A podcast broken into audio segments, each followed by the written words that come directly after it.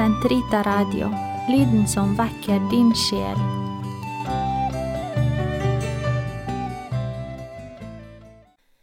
Karmels hage, episode 10 Hellige Josef, stå og spi. Vær veldig glad i den hellige Josef. Elsk ham med hele din sjel, fordi han, sammen med Jesus, er den som har vært mest glad i Vår Frue og stått Gud nærmest. Han er den som har elsket Gud mest etter vår mor. Han fortjener din hengivenhet, og det vil gjøre deg godt å bli kjent med ham, fordi han er en mester i det indre liv og har stor kraft overfor Gud og overfor Guds mor.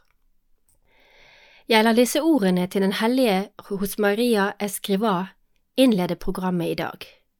For i morgen er det 19. mars og høytiden for Den hellige Josef, Jomfru Marias brudgom.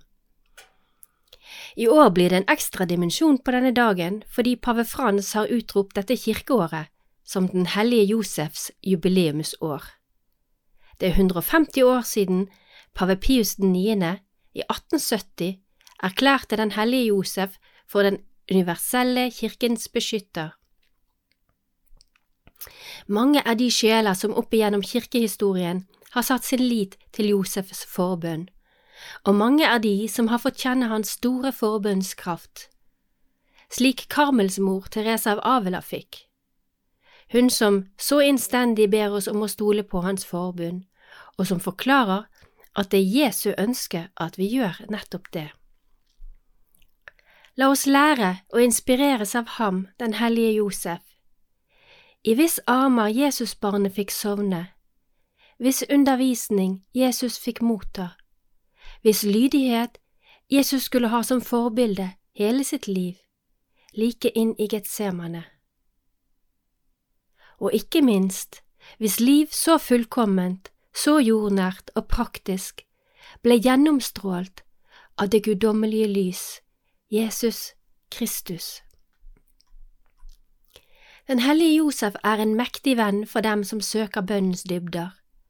Lytt til hva pave Pius den 11. skriver 19. mars i 20, 1928.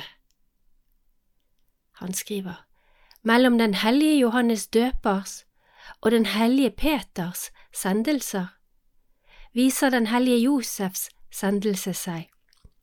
Skjult, nesten umerkbar, en sendelse som skulle bli belyst først århundrer senere, en taushet som skulle etterfølges, selv etter så lang tid, av en høylytt lovsang. Der, nemlig hvor mysteriet er dypest, hvor mørket er dunklest, tausheten absolutt. Der finnes også den vidunderligste sendelse, det vidunderligste forbildet for dyder og også for den æren som er deres frukt. Den hellige Josef kan også bli din venn, ditt forbilde, din veileder, inn i den dype, tause bønnens tjeneste for sjelene og kirken. For han skal lære deg at din bønn alltid er kirkens bønn, din lydighet til Guds ord alltid er en beskyttelse både for deg selv, men også for Kristi legeme som er kirken.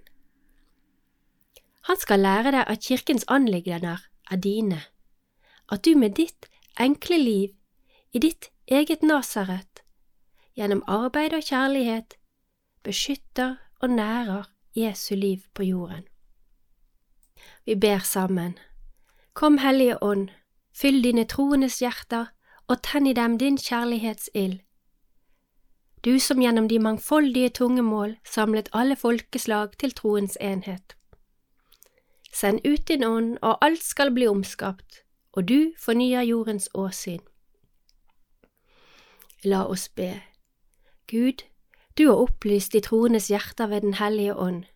Gi oss at vi ved din ånd kan glede oss over det som er rett, og alltid bli lykkelige ved Hans trøst, ved Kristus vår Herre. Amen. Jeg kunne fylle en hel bok av jubel og takknemlighet og tanker omkring hvilken gave den hellige Josef er til oss alle. Han som ikke har talt et eneste ord i Bibelen, og likevel, hans lydhørhet, lydighet, ser vi fullkomment, og den taler så tydelig til oss til etterfølgelse. Den hellige Josefs eneste ord er ordet selv, og det er alt denne stille mannen taler til oss.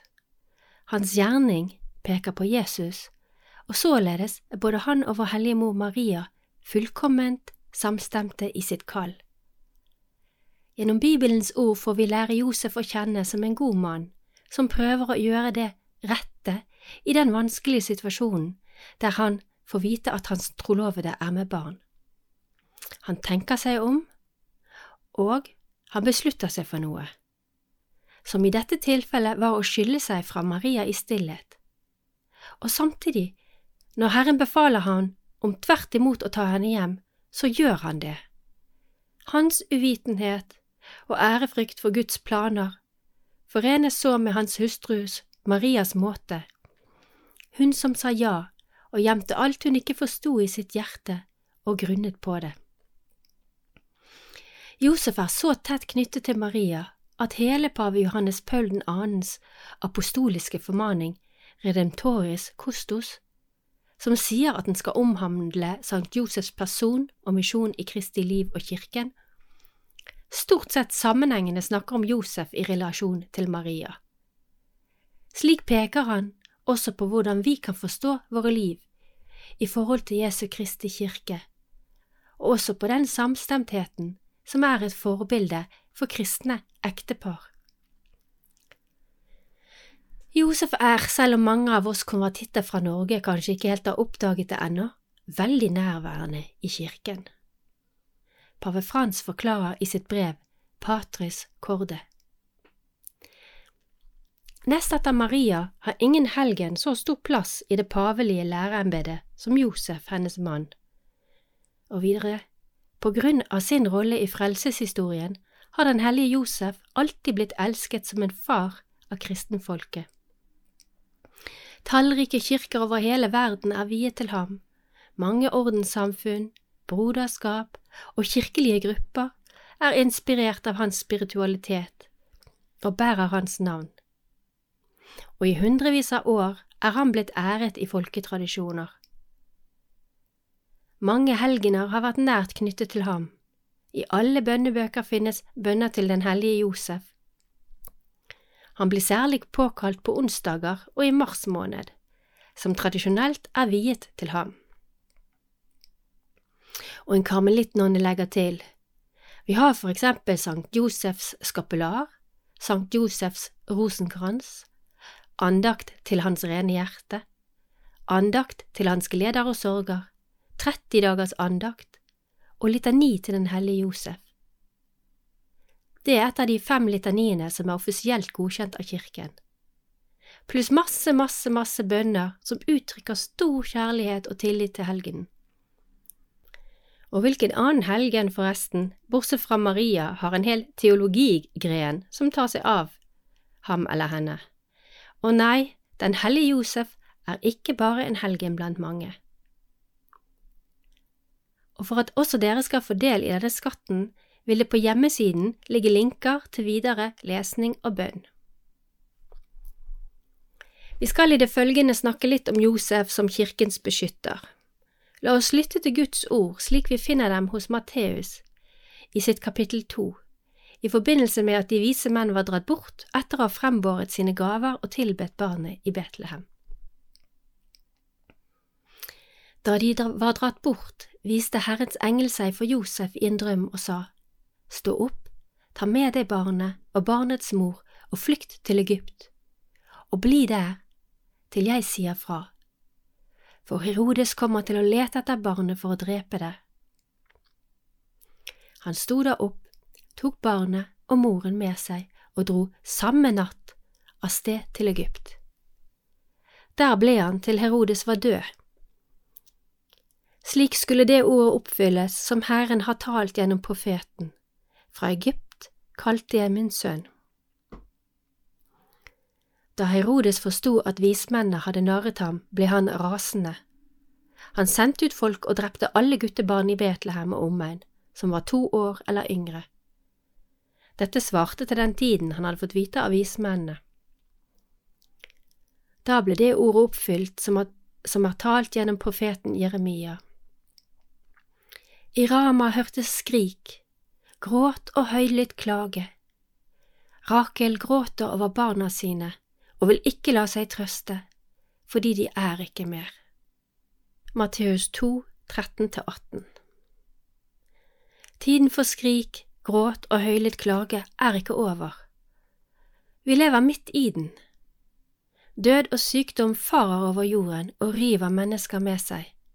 Krig og ondskap driver mennesker på flukt, og mange ender opp i leire der barna dør av sykdom og underernæring.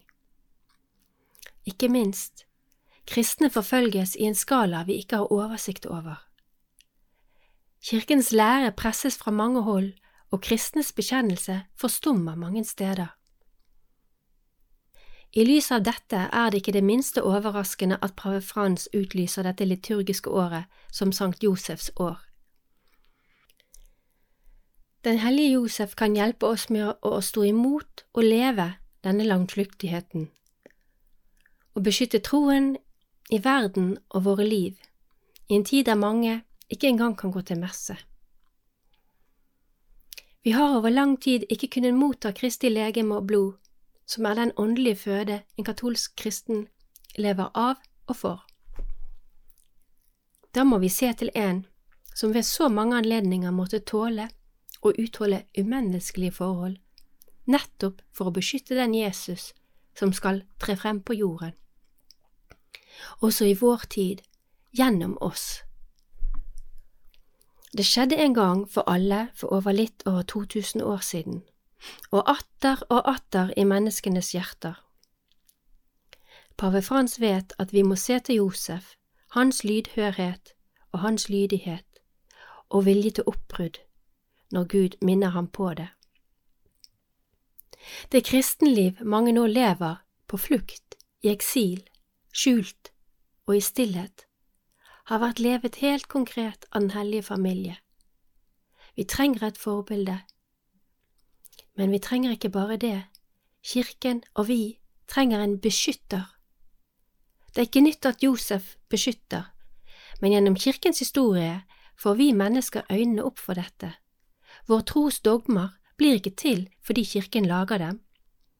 Kirkens rikdommer blir gradvis avdekket, slik også med den hellige Josef.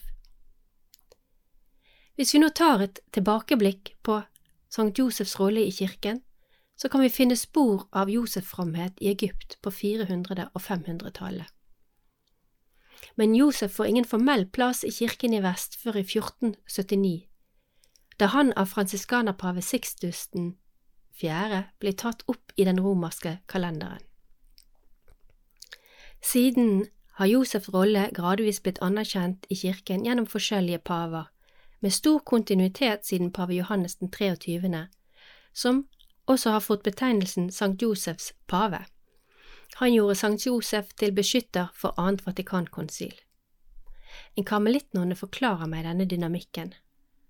Det er sant at han forble i det skjulte i kristendommens første århundrer. Men det ble slik fordi at kirken vokser, utvikler seg, modner i visdom, kunnskap og selvforståelse. Dette skjer gradvis, og gradvis øser vi fra Kristi menneskevordelses skattkamre. Først var kirken utelukkende opptatt av sin brudgomsperson. Først måtte hun granske og konstituere de kristologiske dogmene, og ut av denne forståelsen kunne hun se mer, skjønne mer, beundre mer. Kristuslæren ledet henne til Maria og igjen ble hun helt oppslukt av det mysteriet hennes øyne ble åpnet for. Og så ledet det henne til Josef. Så vakkert kan det sies. Ikke bare har troen en indre dynamikk, den påvirkes, eller skulle man kanskje si påskyndes, også av kriser og historiske forhold. Det er jo ikke tomt snakk når vi sier at kirken er bygget på matyrenes blod. Når det gjelder pave, pave Pius den niendes pontifikat, så kunne man så absolutt rope ut ordet krise. Han var for øvrig pave fra 1846 til sin død i 1878. På 1860-tallet ble pavestaten så godt som utradert under italiensk okkupasjon. Innen 1870 hadde Italia erobret hele pavestaten, unntatt palasset på toppen av Vatikanhøyden. Samtidig ble det i hans pontifikat erklært et mariadogme og kalt inn til det første Vatikankonsil. Mariadogme kom i 1854, og Vatikankonsilet ble holdt mellom 1869 og 1870. Men kirken inkluderer og er avhengig også av de troendes bønn. På festen for den ubesmittede unnfangelse dette året var hele Italia invitert til å ofre sin hellige kommunion for paven.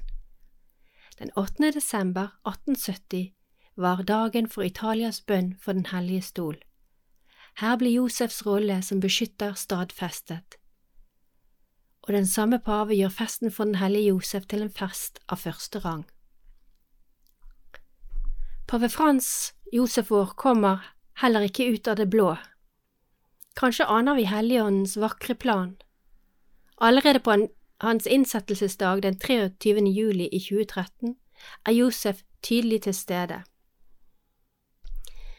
Da innviet han Vatikanstaten til den hellige Josef, hvorpå hans preken under innsettelsesseremonien i hovedsak dreiet seg om hvordan Sankt Josef kan inspirere oss til å beskytte kirken og miljøet.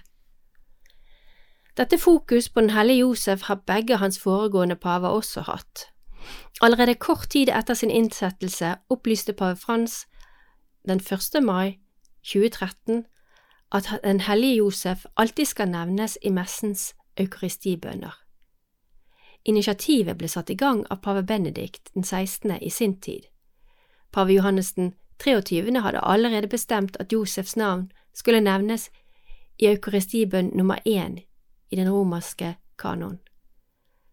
Etter dekretet fra 2013 nevnes han da altså i alle fire standardbønner.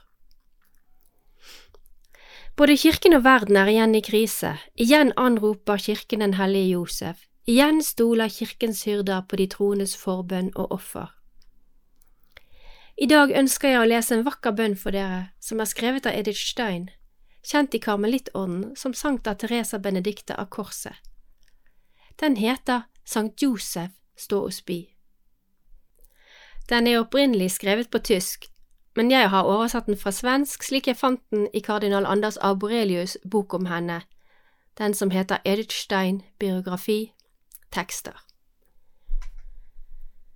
I disse tunge tider, når mange av oss er skilt fra våre kjære som bor i andre land, har det i hvert fall for meg vært naturlig å tenke på adskillelsen av mange familier under annen verdenskrig.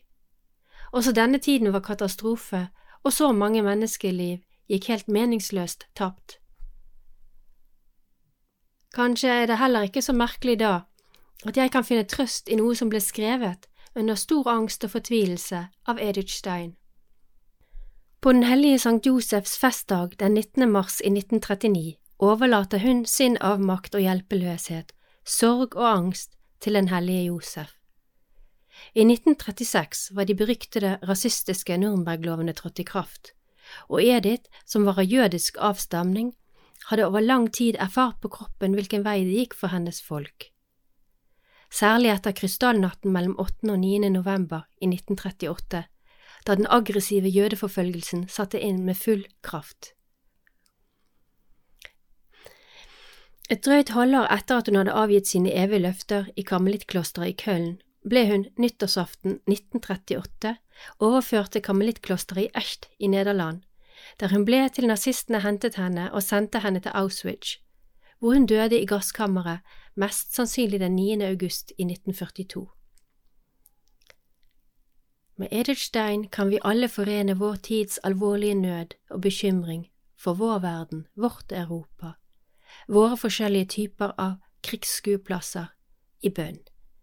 Igjen opplever vi en verden som roper på hjelp. Igjen må vi anrope den ærerike helgen, Sankt Josef, om å stå og bi. Hun skriver Sankt Josef, stå og spi. Tung og dyster hviler himmelen over oss. Er det natt for evig, og skal lyset aldri mer lyse for oss? Har vår far der oppe vendt seg bort fra oss? Som i et mareritt snøres hjertet sammen av all nøden. Finnes det ingen steder noen som kan berge oss, noen som vet hvordan å hjelpe? Se, en stråle trenger seg seiersrikt frem gjennom skyen. Endelig blinker en lys liten stjerne ned, som en fars øyne, så mildt, så kjærlighetsfullt. Og så tar jeg alt det som gjør oss så redde, løfter det opp og legger det i trofaste hender. Ta imot det, Sankt Josef, stå og spy. Voldsomme stormer driver gjennom landene, eiketrær som senket sine røtter mot jordens indre og stolt løftet sin krone opp mot himmelen, ligger nå sprukne med røttene i været. Ødeleggelsens vederstyggelighet råder rundt omkring. Rokker ikke stormen også troens feste? Skal dens hellige støttesøyler brytes ned? Våre armer er svake, hvem skal da støtte dem? Bønnfallende løfter vi våre hender opp til deg. Du er som Abraham, troens far, sterk som barnet i sin enfoldighet, og du kan utrette under gjennom din lydighetskraft og ditt rene sinn. Vern det nye pakts hellige tempel, vær dets beskytter, Sankt Josef, stå og spi. Om vi må vandre bort mot fjerne land og søke tilflukt i hus etter hus, gå da foran oss som en trofast leder. Du som var den aller reneste Jomfru Marias reisefølge, du som var gudbarnets trofaste og beskyttende far. Betlehem og Nasaret, ja, til og med Egypt, ble et hjem for oss. Der du er, der er himmelens velsignelse. Som barn går vi i dine fotspor, og full av tillit tar vi din hånd. Vær du vårt hjem, Sankt Josef, stå og spi. Amen.